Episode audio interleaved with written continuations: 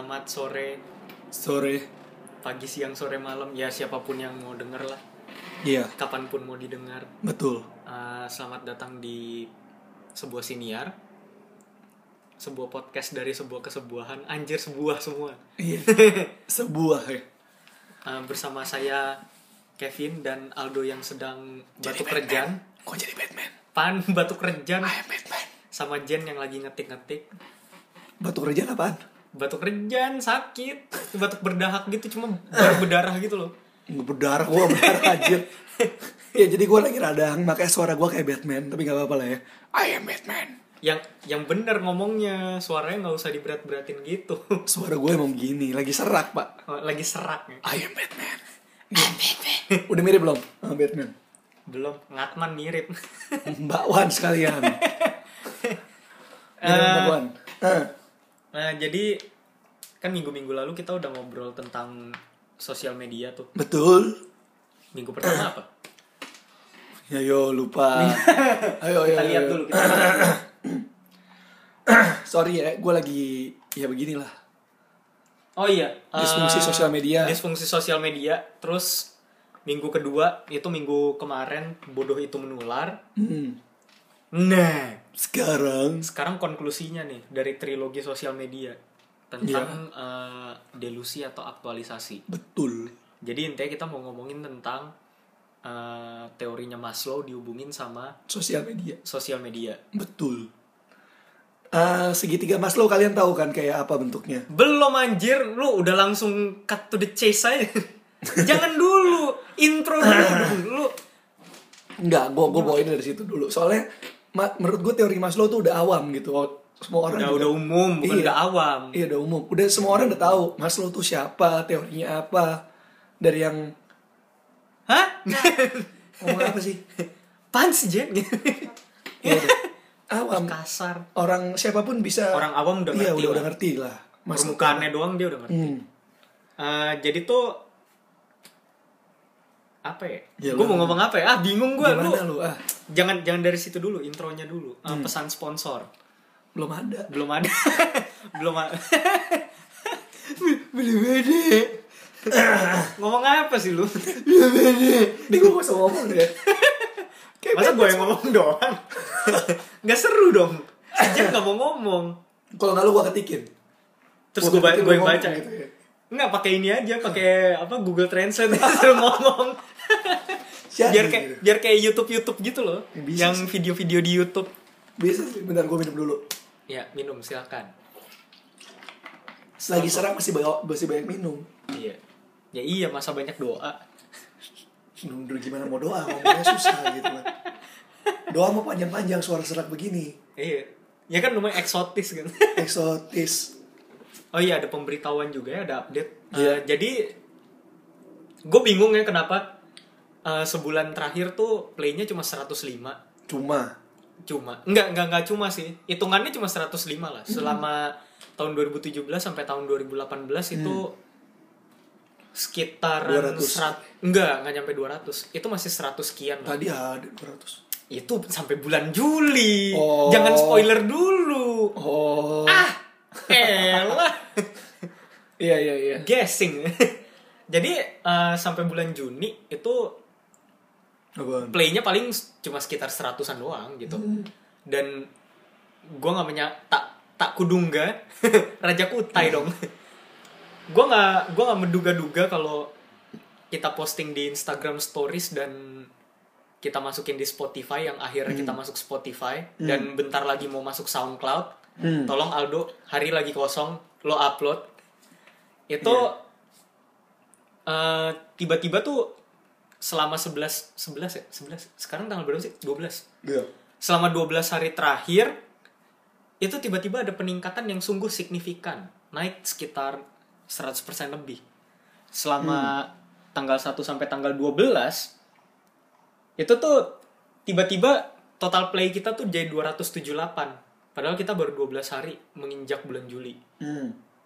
Yang berarti ada 84 uh, play di bulan ini. Hmm. Padahal baru 12 hari. Hmm. Berarti 7 ha eh 7 ada 7 ada tujuh orang yang dengerin podcast kita selama 12 hari ini. Hmm. Setiap hari tujuh. Gue cuma mau bilang thank you doang. Betul. Sepanjang dari kemarin, gue gue bingung. Maksudnya kemarin-kemarin gue lagi relapse parah banget. Eh, selama empat hari terakhir, hari ini masih cuma mendingan. nggak mendingan juga, malah makin parah gitu. Oh ya? Cuma at least gue bisa podcasting masih. Terus eh, kemarin juga dari salah satu radio terkemuka di Jakarta juga Mhm. tiba-tiba nanya podcast gue. Semuanya gara-gara gue menjawab pertanyaan mereka di Twitter. Hmm. Terus apalagi ya? Ya shameless shameless promotion gitulah. Terus habis itu ada di kayak temen gue ada yang pakai forum aplikasi anonim gitu. Hmm. Terus pas ditanya ada apa em, ada buku yang bisa dibaca nggak? Terus habis itu ada yang nawarin gitu dibilang, ya nih eh, lu dengerin podcast aja podcast apa sebuah siniar gitu. Temen gue ngomong kayak gitu. Terus di play jadi banyak Hmm. dan dia bilang gitu eh, ya nih yang apa review lah abis abis lo dengerin apa yang gue rekomen bagus gak bilang gitu terus gue belum tahu dia dia nge-review atau enggak tapi temen gue nanti bakal follow up Eh, intinya sih thank you buat playnya dari 12 hari terakhir atau dari dari episode pertama dari lu denger kita pertama kali sampai sekarang Hmm. Eh, 278 tuh angka yang lumayan mantap ya. Selama 12 hari naik 100 play lebih tuh Mantap. membahagiakan. Padahal di Spotify yang ngeplay cuma 15. Bener. Hmm, iya bener. Tapi sisanya tuh Dan salah satunya gue. Eh salah satunya lu. Iya. gue nggak pernah ngeplay diri gue sendiri. Soalnya gue mau coba kan, gimana sih suaranya, apa gimana kualitasnya. Iya. Oke. Oh, Oke.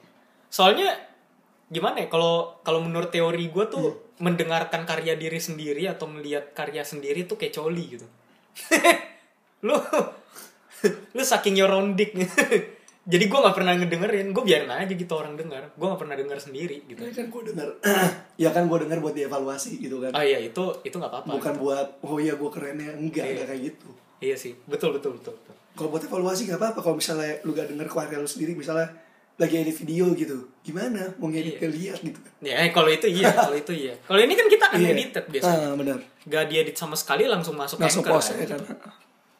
Uh, terus karena udah 278 yang denger dan gue berharap ada peningkatan di hari-hari selanjutnya. Hmm. Kalau misalkan mau ngasih ide atau mau ngasih pertanyaan bisa masukin ke voicemail di Anchor nanti kita play di sini. Hmm. Terus apalagi ya? Kalau sampai 5000 gue bikin giveaway. Ah banyak banget 5000 jangan 5000 dulu nama. Mau berapa ya? Gope gitu. Pay giveaway. Iya. Duitnya ada. Ya giveaway-nya apaan dulu? Giveaway Iya. Kinomen satu kardus juga masih murah. Masih ada yang bikin nomen ya. Gak tahu sih gua. Ya gitu. Ya udah GoPay deh. GoPay bikin giveaway. Gope bikin giveaway. Tapi gak mahal-mahal ya karena kita budget indie ya kan. Iya, budgetnya masih indie. Masih- Budget- belum ada sponsornya. nih. Iya kan. Kita nyebutin dari kemarin nama-nama orang gitu kan, Nah. sama nama-nama eh, merek belum ada yang ngontek kita gitu kan. Hmm. Betul. Berarti belum ada yang tertarik ya udahlah gitu. Dulu udah. amat.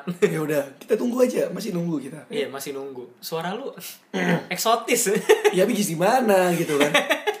Maaf nih kalau misalnya suara gede kecil ya. Iya, soalnya dia Emang agak lagi- sering bergerak-gerak dan suaranya emang Apa? karena lagi radang, gede kecil gede kecil. Iya. Lu ngedeket ngejauh dari mic kan kedengeran. Iya sih. Ketahuan. Sedangkan lu kan sering goyang-goyang gitu. Oh iya. Maju mundur maju mundur, nggak tahu ngapain maju mundur. goyang-goyang gitu gue. Iya, goyang-goyang. Bergoyang gitu. Iya, iya, iya. Deh, Deh. itu sekedar update aja dari dari sebuah siniar. Thank Betul. you buat semua yang dengerin. Hmm. Eh, semoga ke depannya makin banyak yang dengerin juga, makin makin bikin impact buat orang lain ya. Betul. Begitar, jreng. Jreng. Terus lanjut. Gue jadi mau bacain dulu eh, respon. Kemarin gue bikin pertanyaan. eh apa alasan orang pamer di Instagram?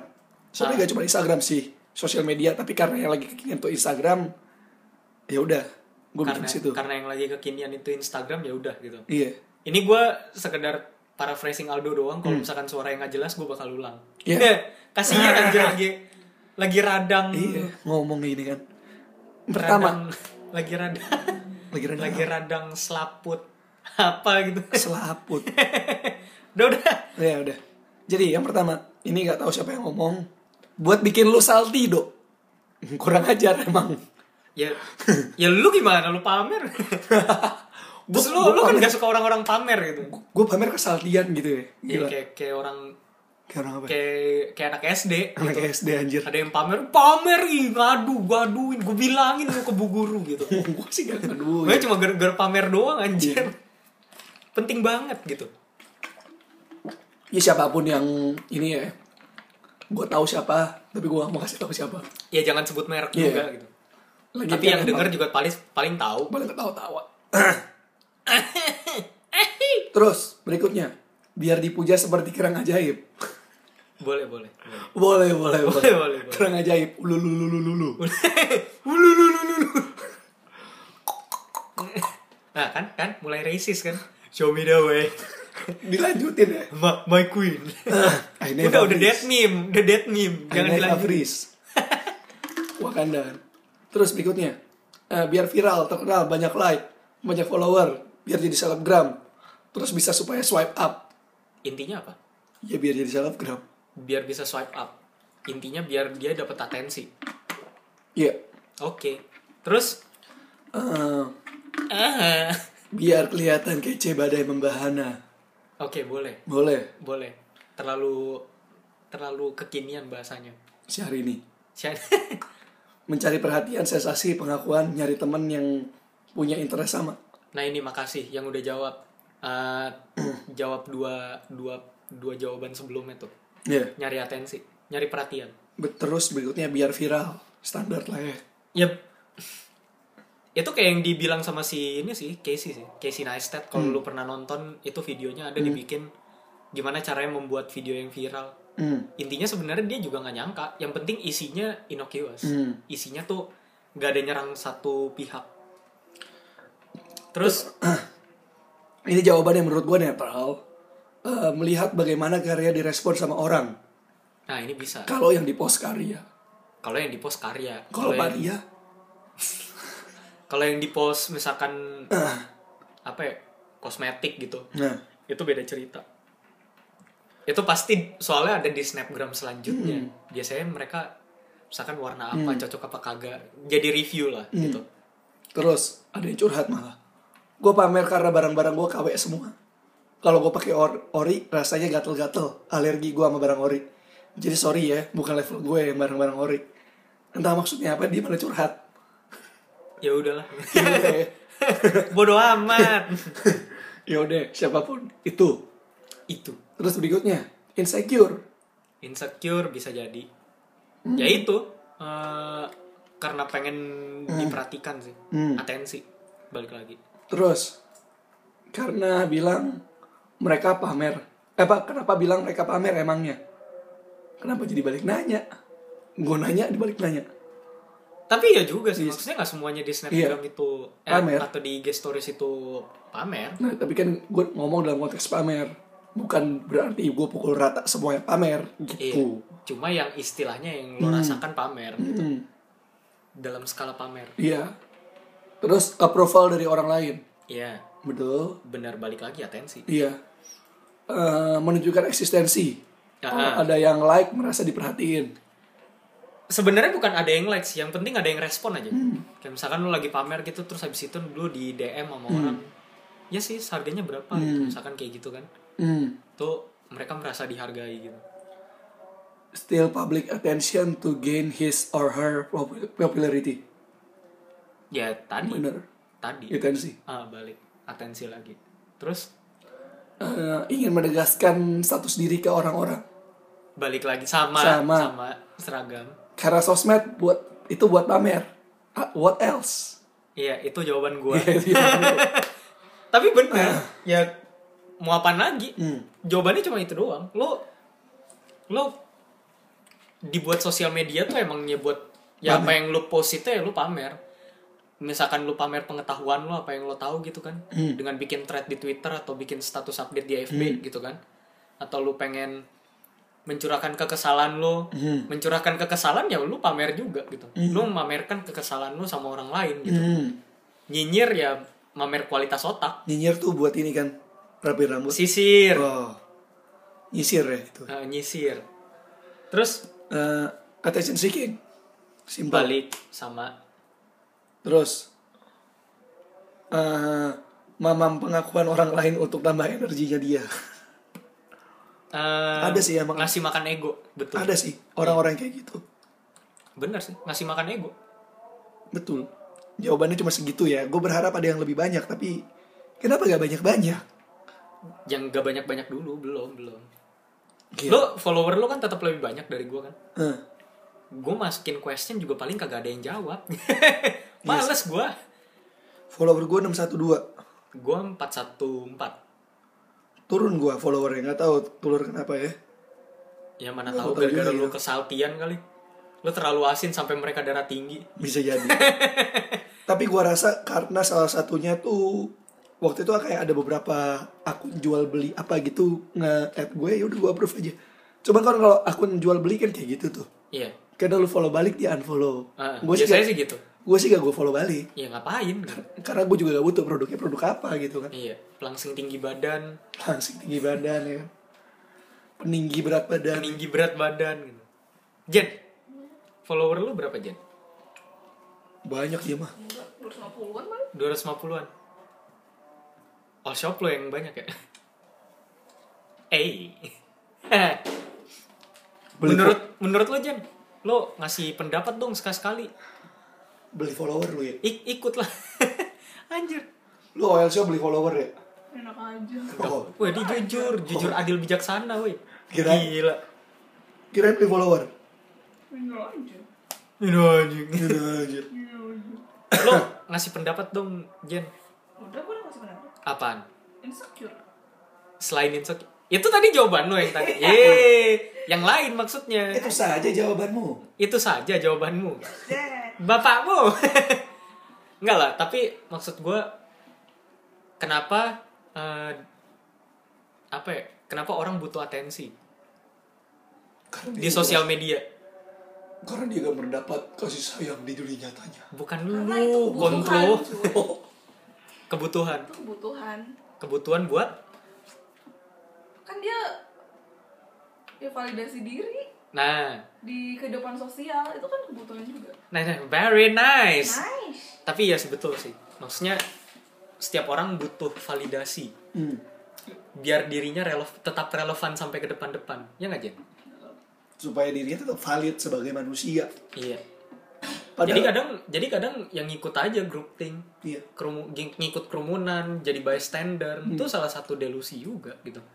Itu salah satu dari um, kayak teori Fromm ya, Eric Fromm ya, yang dibilang orang tuh orang tuh sebenarnya suka dikekang. Iya. Sebenarnya orang tuh pengen bebas, tapi di dalam kebebasannya mereka butuh dikekang butuh dikekang gitu. Jadi mereka butuh tetap butuh peraturan di dalam kebebasannya. Ya bebas tapi sopan lah BTS. Anjay. oke Jadi kalau menurut gue sih ya di dalam kebebasannya mereka butuh aturan kan. Berarti mereka punya code of conduct lah. hmm. Code of conductnya apa? Misalkan gue mau pamer barang-barang ini doang gitu. Hmm. Misalkan kayak sesuai sama hobinya gitu kan. Hmm. kayak lu punya headset 20 terus habis itu lu pamerin gitu tapi terbatas di situ doang di hal lain dia enggak karena dia butuh mungkin butuh validasinya itu ya dari satu sisi doang gitu Hmm. nggak dari semua sisi misalkan kayak reviewer makeup gitu di snap eh di IG stories atau di Snapchat ada gitu kan Hmm. terus mereka eh, nge-review kosmetik ya karena salah satunya mereka pengen validasi juga dari penonton-penonton sekalian handai taulan yang ada gitu kan Hmm. kalau dia tuh reviewnya valid gitu dan dia itu valid buat jadi reviewer Hmm. gitu terus apa lagi ya orang-orang yang yang di Twitter suka bikin thread Hmm. kayak gitu tuh itu juga butuh validasi validasi akan pengetahuannya dia makin banyak yang retweet makin dia ngerasa kalau dia oh berarti banyak orang yang punya pemikiran kayak gua gitu Hmm. itu tapi dari sisi positif sih maksudnya eh, itu kan dari dari segi yang positif ya Hmm. kan ada juga yang segi yang negatif gitu Hmm. itu yang dari minggu kemarin kemarin kita bahas kan Hmm. sebenarnya kalau yang sekarang itu lebih spesifik jadi eh, orang yang orang yang melakukan hal seperti itu yang tadi gue sebutkan gitu kayak uh, review kosmetik atau pamer sesuai hobinya atau pamer akan pengetahuannya itu butuh validasi dengan cara yang lebih positif lebih impactful buat orang lain gitu Hmm. jadi orang nggak jengah melihatnya dan menurut gue itu adalah proses menuju aktualisasi dirinya karena dia ngerasa mampu Hmm. sama apa yang dia tahu gitu Hmm. tapi kan ada juga tuh yang berdelusi ria kan Hmm. jadi eh kayak misalkan gue gue pernah baca satu berita demi dia bisa foto di tempat-tempat yang bagus itu tuh dia sampai ngutang jadi dia keluar negeri gitu dia ngutang sama orang lain Sama kayak itu dong. apa Yang kemarin minggu lalu kita bahas. iya Apa MLM? iya ya kalau itu kan MLM kan dan Hmm. kemarin kan kita fokusnya sosial medianya eh, kalau MLM tuh terlalu bisnis kan jadi kalau sekarang lebih ke individunya. Iya. Eh, ini ada ada satu user Instagram gue lupa namanya siapa lah pokoknya ada ceritanya gitu. Hmm. sempat jadi drama juga di Facebook sama Instagram. Jadi dia tuh pergi ke luar negeri ke mana-mana gitu kayak ya bisa dibilang keliling dunia lah ya.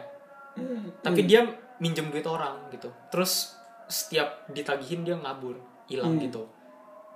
Tapi dia minjem duitnya tuh banyak sama berapa berapa orang gitu banyak banget dan Hmm. dan dia tuh eh, foto-fotonya di Instagram tetap update tiap orang yang di tiap orang yang di apa ya tiap orang yang diutangin itu diblok sama dia Eh, mohon maaf hari ini eh, sudah jam 6 sudah maghrib Hmm.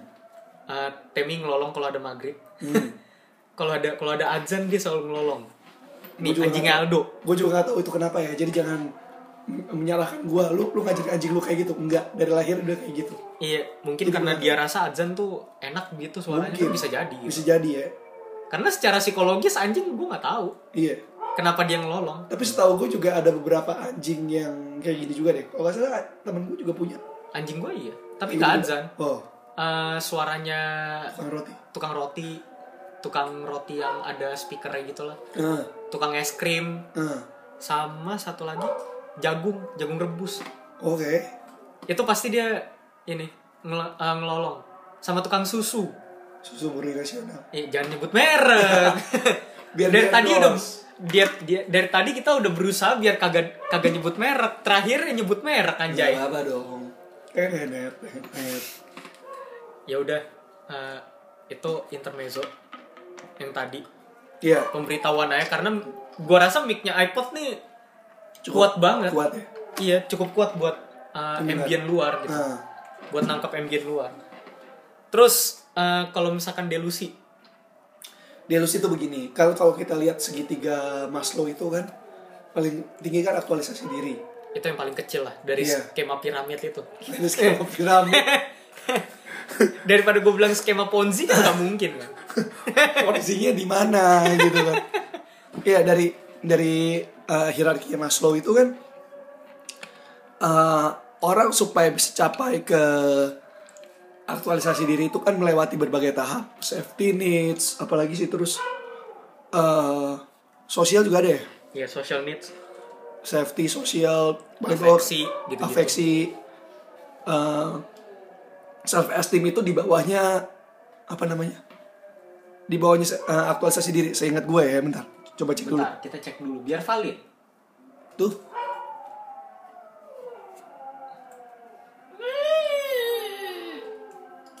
Buset. Ya kalau nggak salah seingat gue self esteem itu di bawahnya. Cerita tentang sejarahnya dulu biar gampang. Sejarahnya? Iya panjang banget Dor. Nggak nggak sejarahnya sih. Jadi intinya sih si Maslow ini meneliti lah. Iya. Meneliti tentang sebenarnya tuh manusia punya punya salah satu hal yang apa ya memancing atau memacu mereka tuh buat mendapatkan sesuatu. Salah satunya adalah needs Hmm. nah fokusnya Abraham Maslow di tahun itu adalah needs hmm. dia bikin satu piramida Hmm. yang namanya hierarchy of needs Hmm. gitu. Terus eh, hierarchy of needs itu dibagi tiga ada basic needs Hmm. terus psychological Psychological. needs sama self fulfillment needs. Nah, basic needs tuh ada dua. Yang pertama physiological itu ya makan, air, eh, kehangatan, anjay kehangatan. Enggak kehangatan sih. Apa ya? Kenyamanan. Kenyamanan. Terus makanan, istirahat gitu. Eh, dan juga kalau zaman sekarang wifi. Betul sih, basic needs. Tapi maksudnya em, di physiological needs ini em, menekankan sama gimana kebutuhan tubuh lu dipenuhi. Hmm. Intinya kayak gitu. Itu paling sederhana lah. Itu primordial banget kalau bahasa kerennya. Hmm. Terus yang kedua uh, Safety. di basic needs itu ada safety. Safety itu keamanan. Jadi dia butuh sebuah keyakinan untuk aman, Hmm. kemauan untuk aman dan kebutuhan untuk aman. Hmm. Intinya kayak gitu. Jadi kalau misalkan lu ngerasa aman berarti basic needs lu udah terpenuhi. Hmm. Begitar, jreng. Terus eh, belongingness and love. itu dari psychological needs Iya. ada dua juga. Itu belongingness and love needs. Itu pacaran, temenan, terus habis itu berhubungan badan. Masuk. Masuk lah. Masuk lah. Masuk ya? Iya. Ini tuh lebih ke intiman. Oh, oke. ke apa lebih ke keintiman gitu intinya sih kedekatan antara satu orang dengan orang lainnya. Intinya individu sama individu lain gitu. Terus yang kedua dari psychological needs di atasnya belongingness and love itu esteem. Hmm. Eh, esteem itu salah satu yang bikin orang jadi delusi. Iya. karena karena dia membutuhkan prestis keberhargaan diri pencapaian.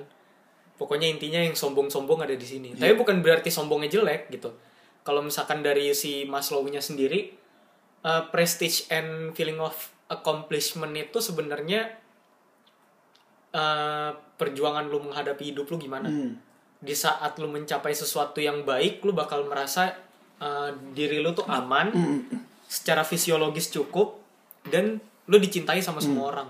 Atentif jadinya. Hmm. gitu terus terakhir itu self fulfillment needs itu Self actualization ada di sana. uh, itu yang paling atas itu yang paling kecil lah kerucutnya itu aktualisasi diri self actualization Eh, intinya tuh mencapai uh, full potential dari satu orang Yep. dan uh, salah satunya tuh kalau misalkan dia udah dia udah secara konsisten melakukan sesuatu terus berdedikasi Hmm. Di situ dia mendapatkan aktualisasi diri atau mencapai aktualisasi diri. Karena ya sederhananya gini aja. Kalau lu misalkan kayak gua bikin podcast udah 12 sekarang ini episode ke-13 eh ya kita kita udah mulai berdedikasi dan berkomitmen buat bikin podcast. Hmm. di situ aktualisasi diri kita udah mulai muncul. Bukan berarti ada tapi kita masih tetap mencari. Hmm. Nah, bagian yang paling susah itu self fulfillment needs-nya. Intinya sih kayak ya kalau lu misalkan komitmen terus-terusan gitu kan Hmm. dan lu melakukan apa yang lu suka terus-terusan ya endingnya lu bakal dapat sesuatu yang berharga juga gitu. Nah, di situ self actualization lu nyala gitu. Hmm. Nah, salah satunya begini. Seringkali kan orang ngomong ya, kok bisa sih itu orang udah sukses tapi kan dia misalkan dia jomblo. Ini paling joke yang paling receh gitu ya. Tapi kok dia bisa sukses, bisa mengaktualisasikan diri.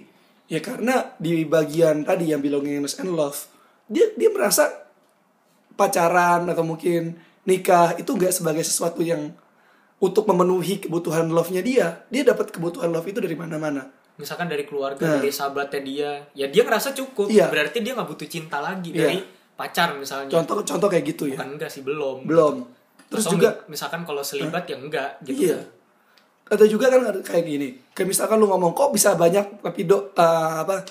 Kayak contohnya orang-orang yang menyimpang. Misalnya kenakalan remaja gitu kan. Geng motor, balap-balapan, begal, ya kan? Sama anehnya gitu kan. Kayak gitu tuh gimana, Dok? Apakah itu berarti dia rusaknya di mana gitu kan dalam tanda kutip? Ya, begal itu adalah wujud self actualisasinya dia. Kenapa? Mungkin karena safety needs-nya dia rusak atau esteem needs-nya yang atau rusak. esteem needs-nya rusak atau mungkin physiological needs-nya dia juga rusak. Ya kan misalkan dia ngebegal karena pengen dapat duit, ngerampok orang gitu kan. Ngebegal. safety needs-nya rusak Safety kan needs-nya kalau juga rusak. gitu. Mungkin keluarganya berantakan gitu kan, mungkin bapaknya abusive atau gimana.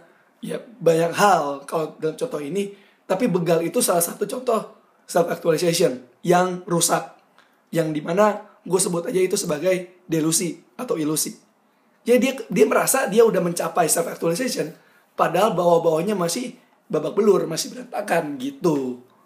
Ya kerusakan itu juga di dihubunginnya balik lagi ke Broven Brenner. Ya lingkungannya Yang- dia gitu. yang apa makrosistem. Iya makrosistem Dan mikrosistem kawan-kawan itu. Ah, ah. Nah kalau misalkan lingkungan lu udah rusak, otomatis sebenarnya tuh bukan rusak sih, cuma eh, perspektifnya ngaco lah. ya Misalkan kayak physiological needs-nya lo butuh lo butuh rumah ya karena gue miskin ya udah rumahnya kecil aja gitu. Ya itu kan jadi perspektif dia yang beda kan. Sebenarnya berbeda sama orang pada umumnya gitu. Safety needs-nya itu biasanya. Karena dia ngerasa nggak aman karena dia ngerasa ya gue miskin terus habis itu uh, dia ngerasa kalau uh, keamanan hidupnya itu terganggu gitu kan. Ya ya udah. Dari situ udah rusak kan. Sebenarnya dari bawah kan udah udah apa ya sebenarnya udah udah bener-bener aja gitu kan. Maksudnya dia udah menerima misalkan ya uh, dia kurang mampu gitu. Hmm. dia kurang mampu terus habis itu ya dia nyantai aja. Tapi di saat safety needs-nya itu misalkan masalah duit ya masalah duit itu jadi terganggu gitu. Yang ketiga belongingness-nya. Lingkungannya tuh sebenarnya pertemanannya baik mungkin. Cuma pengaruhnya negatif Hmm. ke dia. Misalkan ya lu tinggal di lingkungan preman ya kemungkinan besar lu bisa jadi preman gitu. Hmm. kayak misalkan di Gang Doli gitu kan. Hmm. biarpun orang-orang di situ nggak semuanya jadi apa eh, PSK eh, jadi PSK gitu. Tapi ada kemungkinan lu jadinya ke sana gitu Hmm. kan. Dan apa itu negatif? Mereka ngerasa enggak. Tapi orang lain yang ngelihat dari luar gang doli itu ngerasa itu negatif gitu kan. Terus esteem needs-nya misalkan lah orang yang begal ini kan Hmm.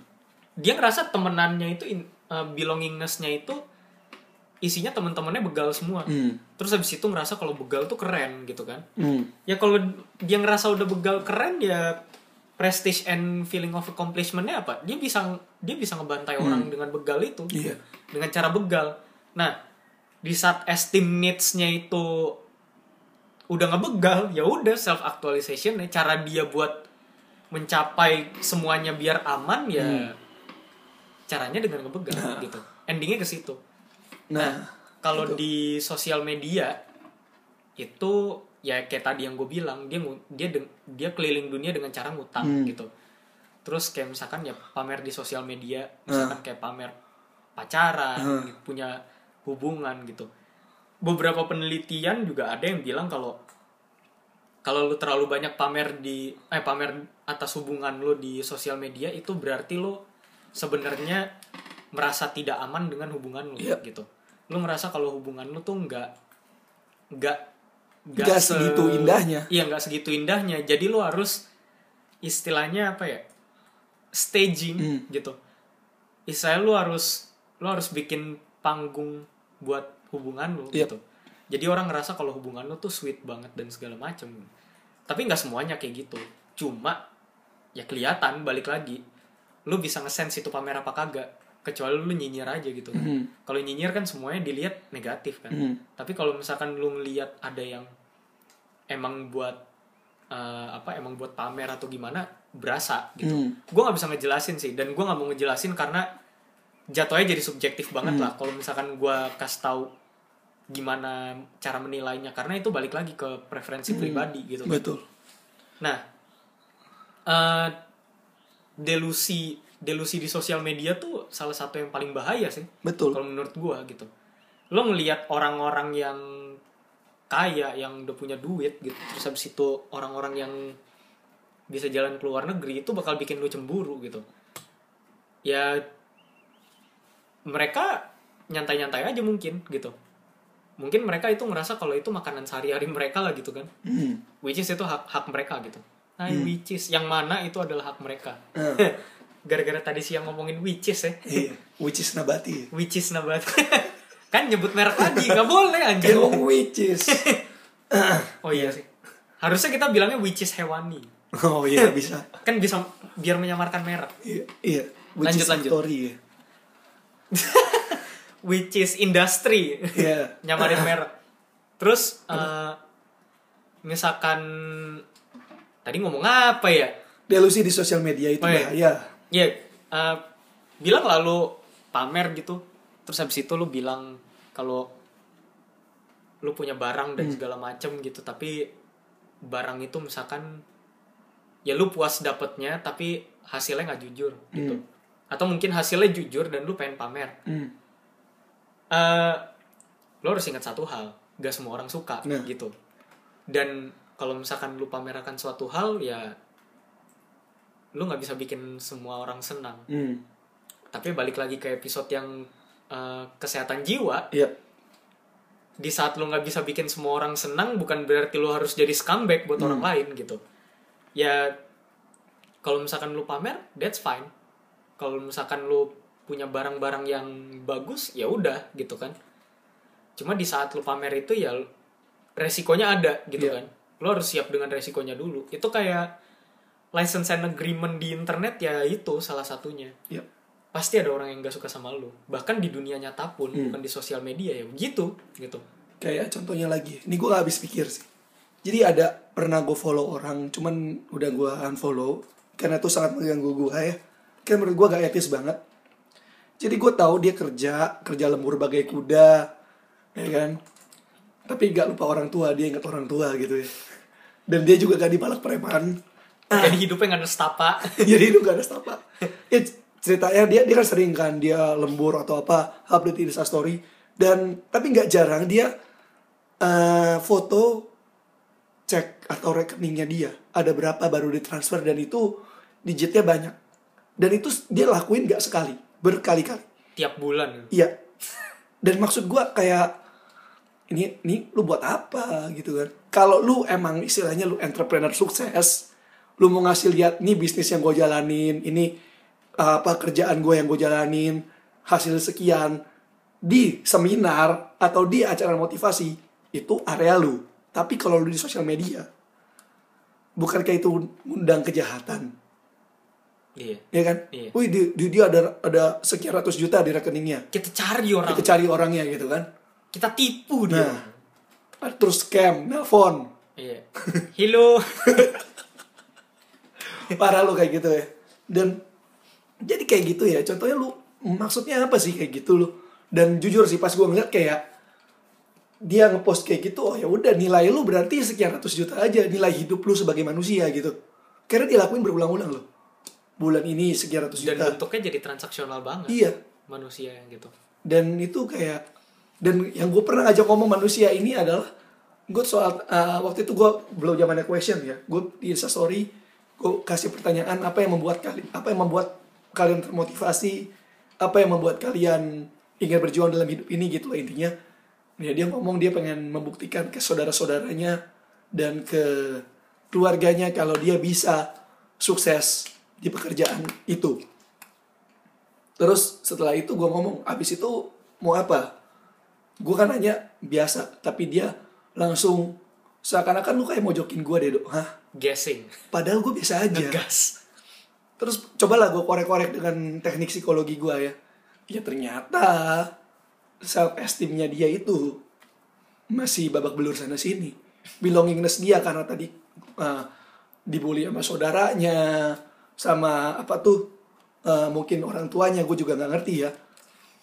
Ya itulah dengan drama kehidupannya bikin self esteem dan belongingness dia itu rusak gitu ya istilahnya. Dan jadinya pas gue ngeliat gini adalah eh, eh, bro atau sis gue nggak mau nyebut gender gitu ya. Lu udah sukses udah punya sekian ratus juta. Daripada lu fokus untuk dapetin ratusan juta ratusan juta lagi kayaknya lu lebih baik benerin inner inner human lu gitu lah. Kayaknya itu lebih penting gitu kayak oke lu sukses tapi gak lu gak bahagia gitu kan buat apa? Ya kalau kan? dia ternyata bahagia gimana? Ya, Ya. cuma self esteemnya doang yang ngaco gitu. Gak bahagia dia, hidupnya bahagia. bahagia dia duit kan? Iya iya. Iya. bahagia material. Nah itu. Ya tapi kan benar kalau misalkan apa duit tuh Hmm. bukan segalanya tapi lebih baik lu nangis di Lamborghini daripada lu nangis di sepeda lu gitu kan Enggak gitu maksud gue maksud gue lu udah sukses di sini area yang lain kan yang bisa lu rapiin ada gitu loh Iya, tapi masih ada Gitu maksudnya masih ada tanggungan yang lu punya lagi sih dalam diri lu. iya Jadi harusnya lu benerin dulu gitu. Iya, iya, ngerti. Iya, ngerti kan maksudnya kan nangkep gak lu maksud gue Ngerti kok, ngerti kok. parah lu Apaan sih? ah ya kayak gitu ya Eh, apalagi sih tadi gue mau ngomong Ya, apa? terus kayak orang pacaran.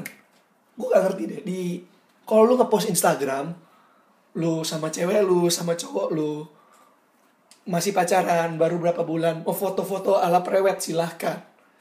Tapi di story tiap kali ngedate foto ala prewed maksudnya gimana? Bentar. Foto ala pribadnya yang kayak mana anjir? Yang di tangkuban perahu gitu. gitu. Berpose gitu. Berpose tapi Gak pakai gaun kan? nggak pakai gaun. Tapi maksud gue eh, tiap kali ngedate dan kalau lu ngedate tiap hari ya udah Tiap hari dia tuh jadi Tiap makanan lu. tuh kan gedek gitu liatnya. Bukan karena gue jomblo ya. Kalau misalnya Baru gue pengen bilang. kalau sekalipun gue udah berpasangan pun gue juga akan lihat kayak nih gimana nih maksudnya apa Apa ya? Terlalu berlebihan aja iya sih. Lu pamer kemesraan gitu kan. Hargai orang-orang yang tuna asmara gitu kan. Enggak, tapi tapi gue masih ingat sih temen gue pernah bilang gitu kalau misalkan lo kan dibilang iya berdasarkan penelitian kan Hmm. lu foto kayak gitu berarti hubungan lu perlu divalidkan Hmm, gitu kan. Lu iya. perlu lu butuh validasi dari Nah. orang lain gitu kan. Nah. Terus eh, dia ngomong dia ngomong kayak gini tapi beberapa orang yang gue kenal itu rata-rata malah menyimpan hubungannya dia. Nah. Jadi di saat di saat orang itu deket sama orang lain ya bodoh amat gitu.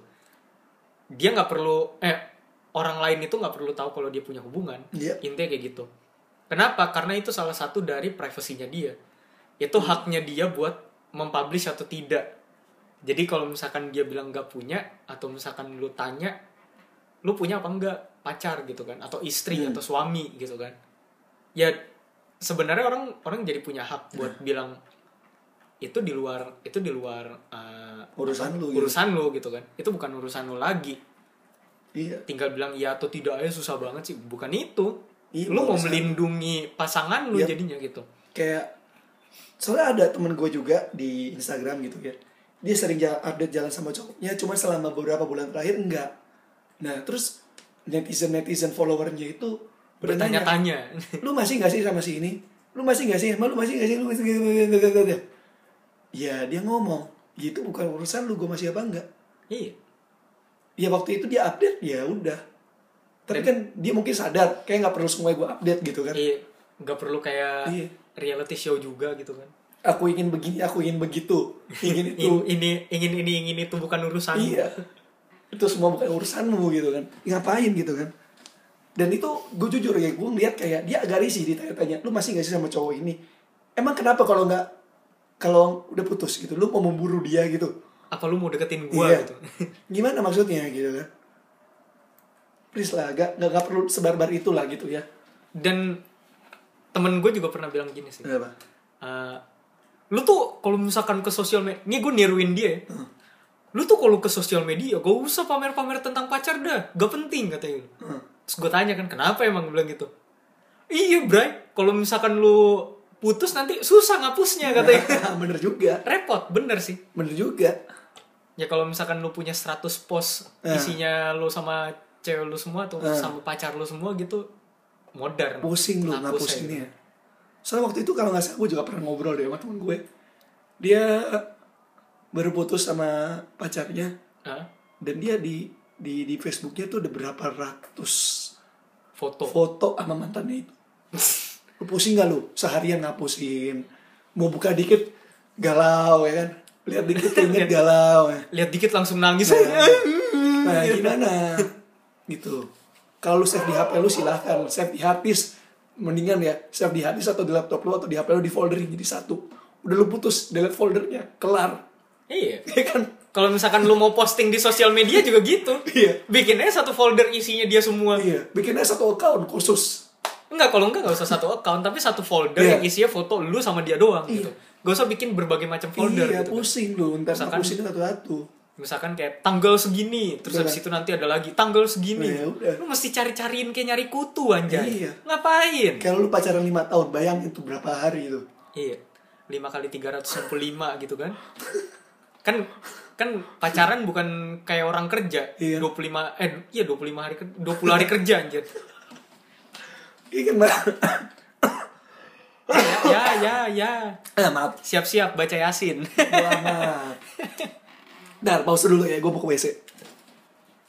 Pause dulu udah lama banget. nggak mau ah Ye, lo lo lo lo padahal udah di play kacau lo. ya kami kembali Iya, jadi- buset kayak channel Space Tune ya nggak apa-apa. kami kembali Jadi tadi kenapa gue ke WC? Karena kan gue serak, mesti banyak minum. Ya udah banyak minum, banyak buang gitu Gak kan. ada yang peduli no one cares Siapa tahu kan ada yang ini kenapa nih Aldo ke WC? suka beli Kacau lo. Kacau lo. Ya gitu ya, jadi ya penderitaan orang Padang ya. ya Masakan Radang. masa baru gue pengen bilang eh, masakan Padang Ya udah, terus tadi episode mana? Eh, sampai jumpa Di lain kesempatan. Ini udah oh 46 menit. belum belum masih 14 menit lagi Iya. masih banyak yang mesti Masih banyak. diomongin Tadi sampai ini ya, eh, temen gue yang pacaran awalnya sering ngepost, taunya jadi enggak. terus orang bertanya-tanya Terus orang bertanya-tanya, orang jadi kayak menekan dia gitu kan. Ya udah itu bukan urusanmu gitu kan. iya betul sih Kecuali Ya. lu ya kalau dia kalau lu temen deketnya pun pasti dia juga cerita ke lu hubungan sama cowoknya gimana gitu kan. tapi balik lagi itu risky bisnis sih Iya. maksudnya itu resiko jadi Temi ini ada apa tau lah. jadi ya itu resiko dari sosial media Hmm. di saat lo tiba-tiba nggak posting ya lu ditanyain gitu kan Ya. ada orang yang pengen tahu dan delusi macam itu membuat orang jadi pengen tahu. Iya. orang pengen tahu biar apa ya? Kepo doang. Hmm. kagak pengen ngurusin hidup lu juga sebenarnya. Dia cuma pengen asupan drama sehari-hari aja. Iya. kan kayak kita cari di Facebook kan asupan-asupan drama banyak tuh. Banyak loh. Iya sih. seriusan. Gue ngeliat apalagi drama-drama cosplay wah banyak banget. Serius gue panjang banget lagi ceritanya. Ya udah, ntar aja deh.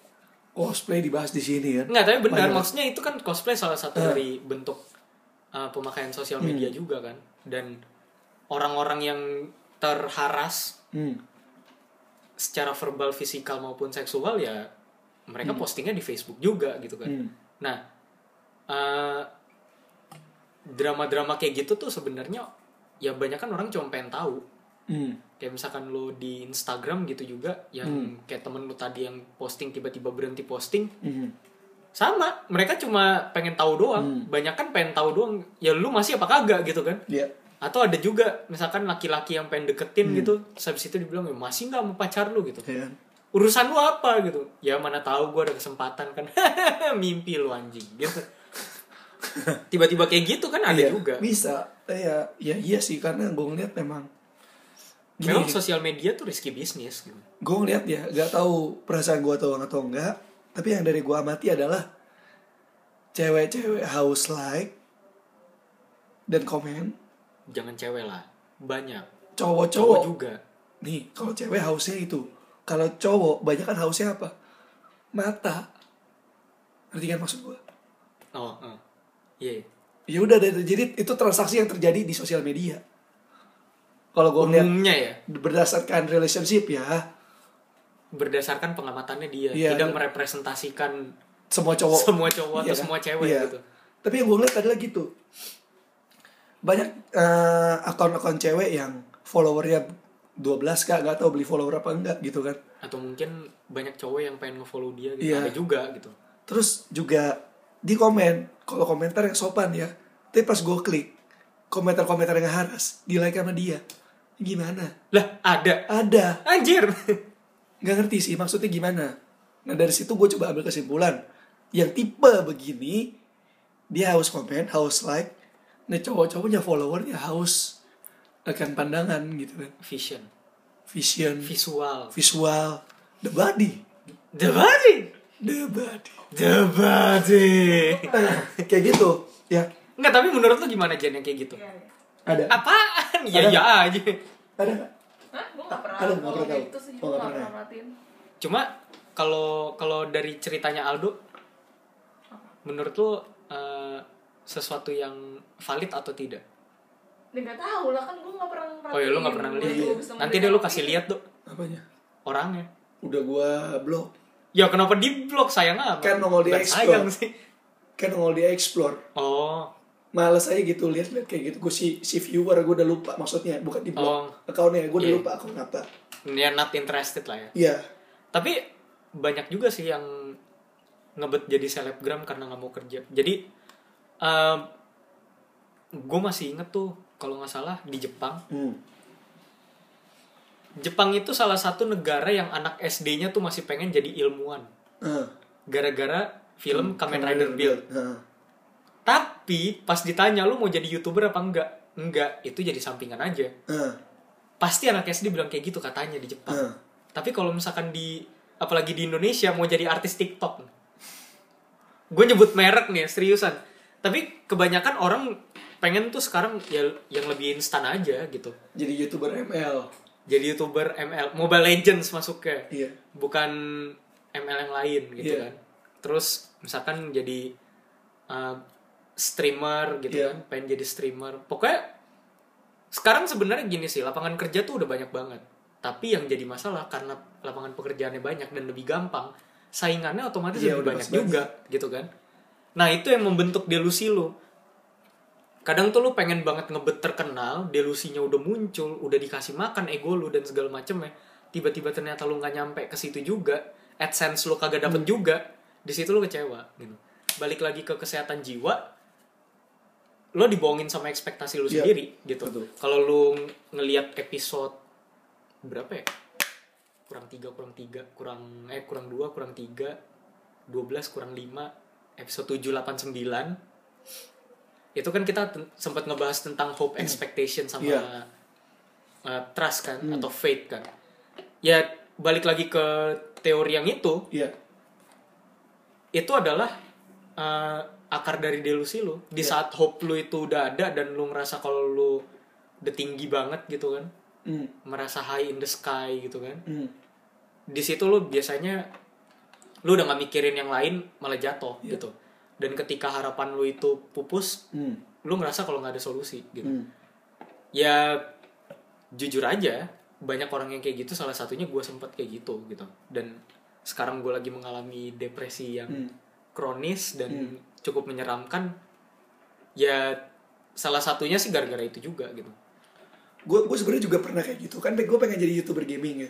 Cuma kalau gue gak langsung high expect karena gue tahu modal gue terbatas dan jadi youtuber gaming itu gak karena kan gue yang gue mainin kan gamenya bukan game yang tadi gue sebut ah. yang lu upload bisa view berapa juta gitu kan ya kalau emang lu mau dapet Gua view secara instan ya iya Gua tapi nanti gitu. marketnya hilang juga cepet sih. iya soalnya gue yang gue suka itu game-game story base. Sedangkan game-game story base itu harganya mahal. Pertama lu harus punya PS4 kalau yang di Punya PC konsol lah. iya kan? PS4 atau Xbox One ya. Kalau di PC pun ya speknya harus tinggi. speknya harus tinggi dan lagi harganya juga mahal. Itu game-game yang 600 ribu 700 ribu. Duit dari mana? Nah makanya itu ketika itu gue sempat kesel sempat marah tapi yang ada yang ada gue pikir adalah yang gue bisa lakukan sekarang apa?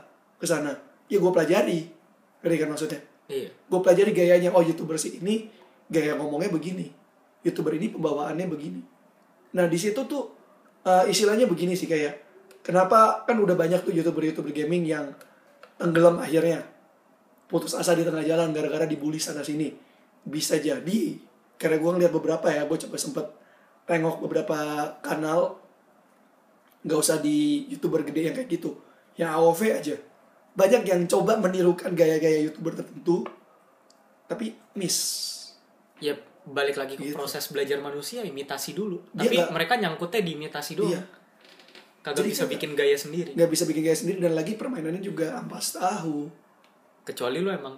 Kecuali lu gue dari gue dari kemarin tuh kan udah bilang ke lu. Apa? coba lu main eh, coba lu jadi streamer YouTube tapi lu kerjanya kalah mulu jadi orang cupu bukan jadi orang cupu sih cuma kemampuan natural lu Iya. itu nggak bisa dipaksain kan Iya. kalau misalkan lu udah nggak jago-jago banget ya udah gitu. Iya. jangan dipaksain juga kayak lu kalau ngeliat si PewDiePie gitu kan mati ya mati aja iya mau diapain gitu kan bukan bukan berarti dia jago banget atau Iya. gimana enggak itu malah karena dia genuine Hmm.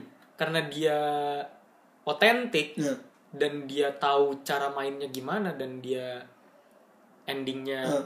kalah juga atau mati juga tapi tamat juga Hmm. endingnya gitu ya itu menunjukkan siapa dirinya dan gimana caranya dia main gitu ya dia tinggal nyisipin komedi Iya. kelar tapi bukan kelar kelar di situ doang tapi dia tuh tetap berdedikasi dan berkomitmen buat hal itu gitu Ya, kayak itu. misalkan kayak kita lah kayak gini nih lu bikin podcast. Sebenarnya kan gue dulu awalnya mau bikin podcast karena gue males bikin video. Gue Iya. grogi. Gue grogi kalau ngomong depan kamera. Ya udah gue ngomong depan mic. Sama gue kalau ngomong depan kamera ya hidung gue gatel terus. Jadi kalau misalnya lu lihat video gue kenapa si Aldo sering pegang hidung? Gak tau kenapa hidung gue gatel. Nggak karena dia bohong. Gue bohong. Kan micro micro expression. Percaya. Percayalah gue setengah percaya setengah enggak itu bahasa tubuh sih. Si bukunya bahasa tubuh yang Ellen Peace tuh Hmm. itu ngejelasin. Karena reaksi badan itu emang ngaruh sih. Tapi gak, gak juga bohong lah. Kan kalau gue kan bikin skrip. Ya iya sih. Iya. cuma maksudnya kan itu keluar dari skrip lu. Di Iya. saat lu keluar dari skrip lu bukan tanda ya lu bohong juga Iya. tapi lu membohongi diri lu karena lu keluar dari skrip. Iya. itu doang. Jadi bukan kayak berarti gitu itu kan. salah. Iya. Iya. Jadi maksudnya bukan berarti gue konten, oh, konten hoax nih si Aldo. Enggak. Enggak. Tapi emang karena keluar dari skrip lu harus cari backup. Nah, dan cari backup kadang ya mesti bohong. Bohongnya tuh bohong karena keluar dari skrip ya bukan bohong karena iya. lu nggak tahu apa apa terus sotoy gitu. Selain juga karena bikin video itu butuh latihan dan butuh dana. Iya kan? Iya sih. Iya kan? Nggak ada nanya nol. Bisa. Pakai kamera HP lu. Iya. Bisa bisa aja. Hmm. nggak maksudnya ya se- sekarang aja kita rekaman pakai iPod. Iya. Nggak pakai mic sama sekali dari kemarin. Iya. suaranya oke oke aja Iya. desain desain aja kan? Betul. Dan menurut gue itu salah satu yang budgetnya kecil. Gue budget budget gue cuma berapa? dua puluh ribu men sa seminggu. Iya. Cuma datang ke rumah Aldo gara-gara kamarnya banyak bantal jadi akustiknya bagus. Betul. Dan banyak barangnya jadi kagak ada gemanya gue rekaman pakai iPod udah. Iya. Ya kayak gitu ya contoh-contohnya. Jadi kayak menurut gua kan misalkan lu pengen terobsesi jadi selebgram gitu ya. Ya lu pelajari, lu dalemi. Jangan tapi lo harus bikin gaya sendiri lagi Iya. gitu istilahnya ya lu nggak masalah punya angan-angan beraktualisasi dengan diri melalui sosial media. Tapi ya jangan jangan istilahnya kalau ngomong oh ya udah jadi selebgram, jadi youtuber, jadi apa pun nekat aja. nggak bisa gitu Nggak juga bisa, Pak. gini harus pakai perhitungan sih Iya. gue gue mau ngasih contoh nih. antara yang Indonesia sama yang luar gitu atau Indonesia sama yang Indonesia juga gitu. Hmm. Contoh nih ya kayak misalkan Eno Bening gitu Hmm. dia bikin video YouTube dengan gayanya sendiri tapi ya jujur-jujuran aja dia udah menyadur gayanya orang lain juga Hmm. gitu kan udah terpapar Iya. which is fine karena imitasi Hmm. tapi nanti kan mengidentifikasi dia punya gaya sendiri Iya. gitu kan Uh, atau misalkan selebgram kayak Rachel V-nya gitu kan Hmm. dia punya gaya sendiri gitu dia punya style sendiri gaya sendiri buat menyampaikan apa yang dia pengen sampaikan apa yang pengen dia promosikan gitu kan. Hmm. dan itu nggak apa-apa gitu itu caranya dia. Iya. bodoh amat gitu kan. Tapi kalau misalkan lu ngelihat kayak Ethan si H3H3 Product Production gitu uh, yang dengan gayanya di uh, apa di Instagram atau di YouTube yang gayanya self deprecating menghina diri sendiri lah intinya kan. Karena fupa terus habis itu dia bangga gitu-gitu karena lemak perutnya gede gitu kan. Dia bodoh amat gitu. Ya itu tuh salah satu cerminan dari Iya. ya aktualisasi di, diri dia berarti dia nggak perlu badan yang bagus. Yang penting dia bisa Iya. membuat orang lain senang juga Iya. gitu. Itu caranya dia sendiri itu gayanya dia sendiri kita nggak bisa ngelarang Iya. gitu. Atau kayak si Pewds gitu yang si PewDiePie suka lihat gitu kan. Terus habis itu tiba-tiba lagu kebangsaannya Rusia muncul tiba-tiba ya itu gayanya dia Iya. gitu ya lo nggak bisa ngelarang iya orang ngopi sah-sah aja Hmm. cuma di saat mereka sangat-sangat dekat dengan apa yang dia tiru itu yang bahaya Iya. gitu jadi kalau misalkan lo ngerasa lo udah terlalu deket nirunya terus habis itu lo dengan bangga mempersembahkan gitu kan nah Hmm. itu bahaya juga gitu itu membuat lo jadi ngerasa lo sama terkenalnya kayak dia padahal Padahal enggak. mungkin belum tentu juga gitu kan. Lu bandingin si PewDiePie sama lu gitu lu Hmm. niru followernya seribuan gitu kan. Ya seribuan udah bagus sih. Cuma dia kan udah 61 juta Ya. tuh subscriber di YouTube. Beda cerita kan. Iya. kayak gitu. Jadi ya lu boleh niru tapi endingnya lu- akhirnya lu harus punya identitas sendiri. Kalau lu nggak punya identitas udah lu bakal terombang ambing di yang segitu segitu aja subscribernya atau isi dari omongan lu atau isi dari apa yang lu sampaikan nggak nyampe karena marketnya ngerasa ah ini terlalu niru nih gitu kan. Ah. orang jadi males dengernya gitu kan. Sebenarnya kan persona di sosial media itu kan penting juga. Iya. jadi kalau misalkan lo punya persona di sosial media yang udah niru atau gimana ya people don't give a shit about your opinion sepintar apa pun jadinya. Yep. Karena ya kalau misalkan mau niru, mau niru terus habis itu jadi niru banget ya itu balik lagi. Opinion doesn't matter jadi. kayak contohnya ya kan tadi lu sempat ngomong yang gaming dia kalah kalah ya udah. Nah, contohnya yang ini ya makanya gue bilang kalau misalnya orang naik orang bilang youtuber gaming favorit lu siapa? Gue bilang Tara Arts. Selain dia bawa pembawaannya kan dia eh apa badannya gemuk nggak tinggi juga tapi lucu gitu kayak lu kan kalau zaman ini sekarang kan no konteks in fat shaming atau apa iya ya. kalau zaman sekarang kan sering kali oh jadi youtuber gaming harus ganteng harus ber, harus berbadan berotot, ideal gitu. gitu. kan berotot gitu kan nggak berotot juga ideal lah. ideal Tara enggak tapi dia dengan gayanya dia itu mana mana kadang dia juga suka ngeledek gitu misal dia lagi main bareng sama Gemma ya oh rasis orang Bantet nih wifi ya Iya kayak Kayak gitu. gitu atau contohnya. Atau kalau menurut gue sih dia tuh emang bener-bener make skillnya Iya. dia bukan bukan dia memanfaatkan memanfaatkan personanya dia Iya. lagi gitu tapi orang yang suka sama dia adalah orang yang ngelihat skillnya dia Iya. gitu jadinya dan juga lu lihat aja bahasa kungkingkang Iya. mana ada itu kan cirinya dia Cirinya dia dia nggak niru gitu kan bahasa Maksudnya, kungkingkang nih mungkin dia niru tapi Nah. ada identifikasi di situ yang jadi Iya, yang akhirnya dia jadi ciri gayanya khasnya dia, gitu. gitu kan mungkin bahasa kungkingkang dia niru bahasanya siapa ya? ya nggak tahu Gak gitu. tau deh gue gak ngerti mungkin nggak- inspirasinya ada juga kan. Ah, iya kan. ya balik lagi proses belajar manusia itu berawal dari imitasi dulu Nah, itu. harus niru dulu Makanya jadi kalau Tara Arts itu kenapa gue bilang paling gue suka karena gue ngikutin dia dari pas masih kecil. Bukan us- umurnya ya, channelnya. Pa- pas dari awal Iya. awal dia ada gitu. Awal tuh dia kalau nggak salah 2013. Berarti udah 2003, lima tahun 2013 pertama kali dia ngupload. Gue follow tuh 2013 akhir-akhir gitu. oh 13 akhir apa 14 awal waktu itu subscriber paling baru berapa 50 eh, nggak sampai 50. Nah itu loh bukan yang ribu ya 50 50 ribu ya. oh 50 ribu. Du, karena 20 ribuan apa 10 ribuan? Gue lupa deh. oh. Pas masih segitu dan gayanya dia sampai sekarang dia gede pun ya itu kalah. Gede apa ini? Channelnya. Channelnya gede. Channelnya. Hati-hati. Maaf ya bang Tara ya. Kalau bang Tara dengar gue bukan yang maksud gimana gitu kan. Gue ngomong channel gitu kan. Bukan yang lain. Ya kayak contoh iya. Iya kan kayak gitu contohnya. Ya karena dia bawa pembawaannya. Pembawaannya beda pembawaannya beda. Dan itu yang gue suka. Jadi kayak misalnya main GTA atau gimana mati kalah. Ya itu kayak tadi lu ngomong. Ketawa aja dia. Iya. Gitu. Kayak bodoh lah nih musuhnya jago apa gimana dia ngomong gitu. Iya. Maksudnya lu jadi streamer game itu bukan berarti harus jago iya juga. harus harus 100% win rate. Gila Iya, lu. Tapi harus is, intinya sih harus genuine sih. Tapi seenggaknya lu juga palsu apa pun. Ah, lu juga harus ngerti main iya yang penting ngerti main Iya. kalah menang bodo amat Iya. yang penting ngerti dulu mainnya Ah. gimana kalau lu kagak bisa main juga ya Kadang- itu ngapain lu Iya. streaming jadinya kadang kalau lu ngerti main netizen bakal lihat oh lu kurangnya di sini nih iya nanti ada kritik-kritik Iya. membangun juga gitu Nah, tapi ini buat netizen ya. Kalau misalnya kalian dengar sering non- nonton yang entah gaming entah apa, balik lagi belajar ke yang kemarin, eh, lu nggak suka, ya udah gak usah lu lihat. Kalau lu komenin, ya udah dia makin trafficnya makin naik. Dan lagi, please pakai etika kalau komen. setidaknya komen lu Iya. tuh berbobot gitu jangan sampai komen lu tuh nggak substansial jadi nggak penting nggak Iya. relevan buat dia tapi trafficnya naik komennya naik dia yang Iya. untung Kayak contohnya ya nih, eh gue ngomong soal da- dalam game aja ya. Kayak waktu itu beberapa kali gue main game AOV, playernya ini ada rebutan mau pakai hero apa. Jadi dia dipakai sama si A, dia dia nggak pakai. Terus sepanjang permainan lu ngata-ngatain dia tuh Eh, genital dia ngomongin emaknya Pip di ngomongin padahal enggak.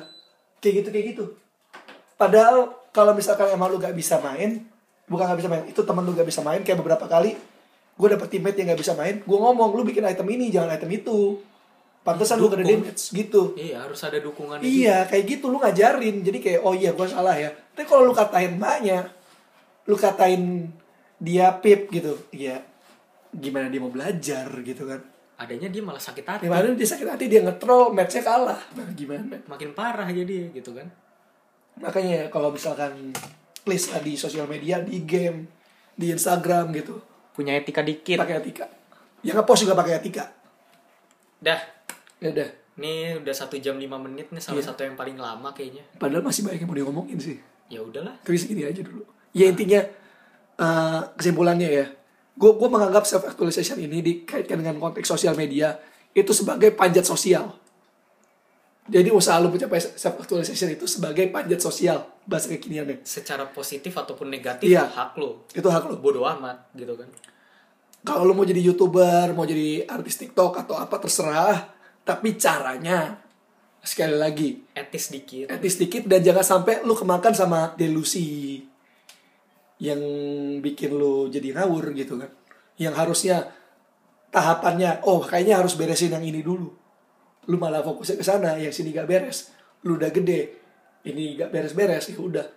Kayak contohnya artis kan banyak yang kayak gitu. Udah gede ternyata dia ada belum beres ya udah.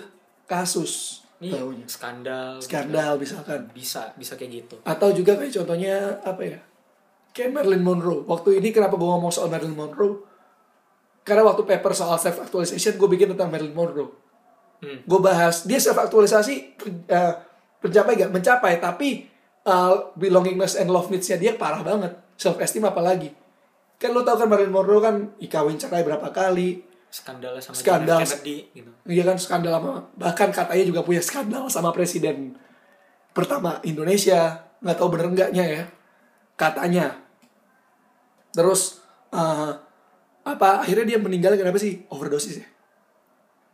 Gue lupa. Pokoknya meninggalnya nggak enak gitu kan. Karena itu nggak beres. Jadi kesimpulannya adalah makanya gue bahas pakai hierarchy of needs. Lu mau panjat sosial lu mau jadi orang sukses lu mau punya duit ratusan juta atau gimana ada hal yang bisa lu beresin. Supaya ketika lu di puncak karir lu itu di puncak panjat sosial lu itu lu tetap dapat sesuatu itu lu bisa bertahan gitu Ode.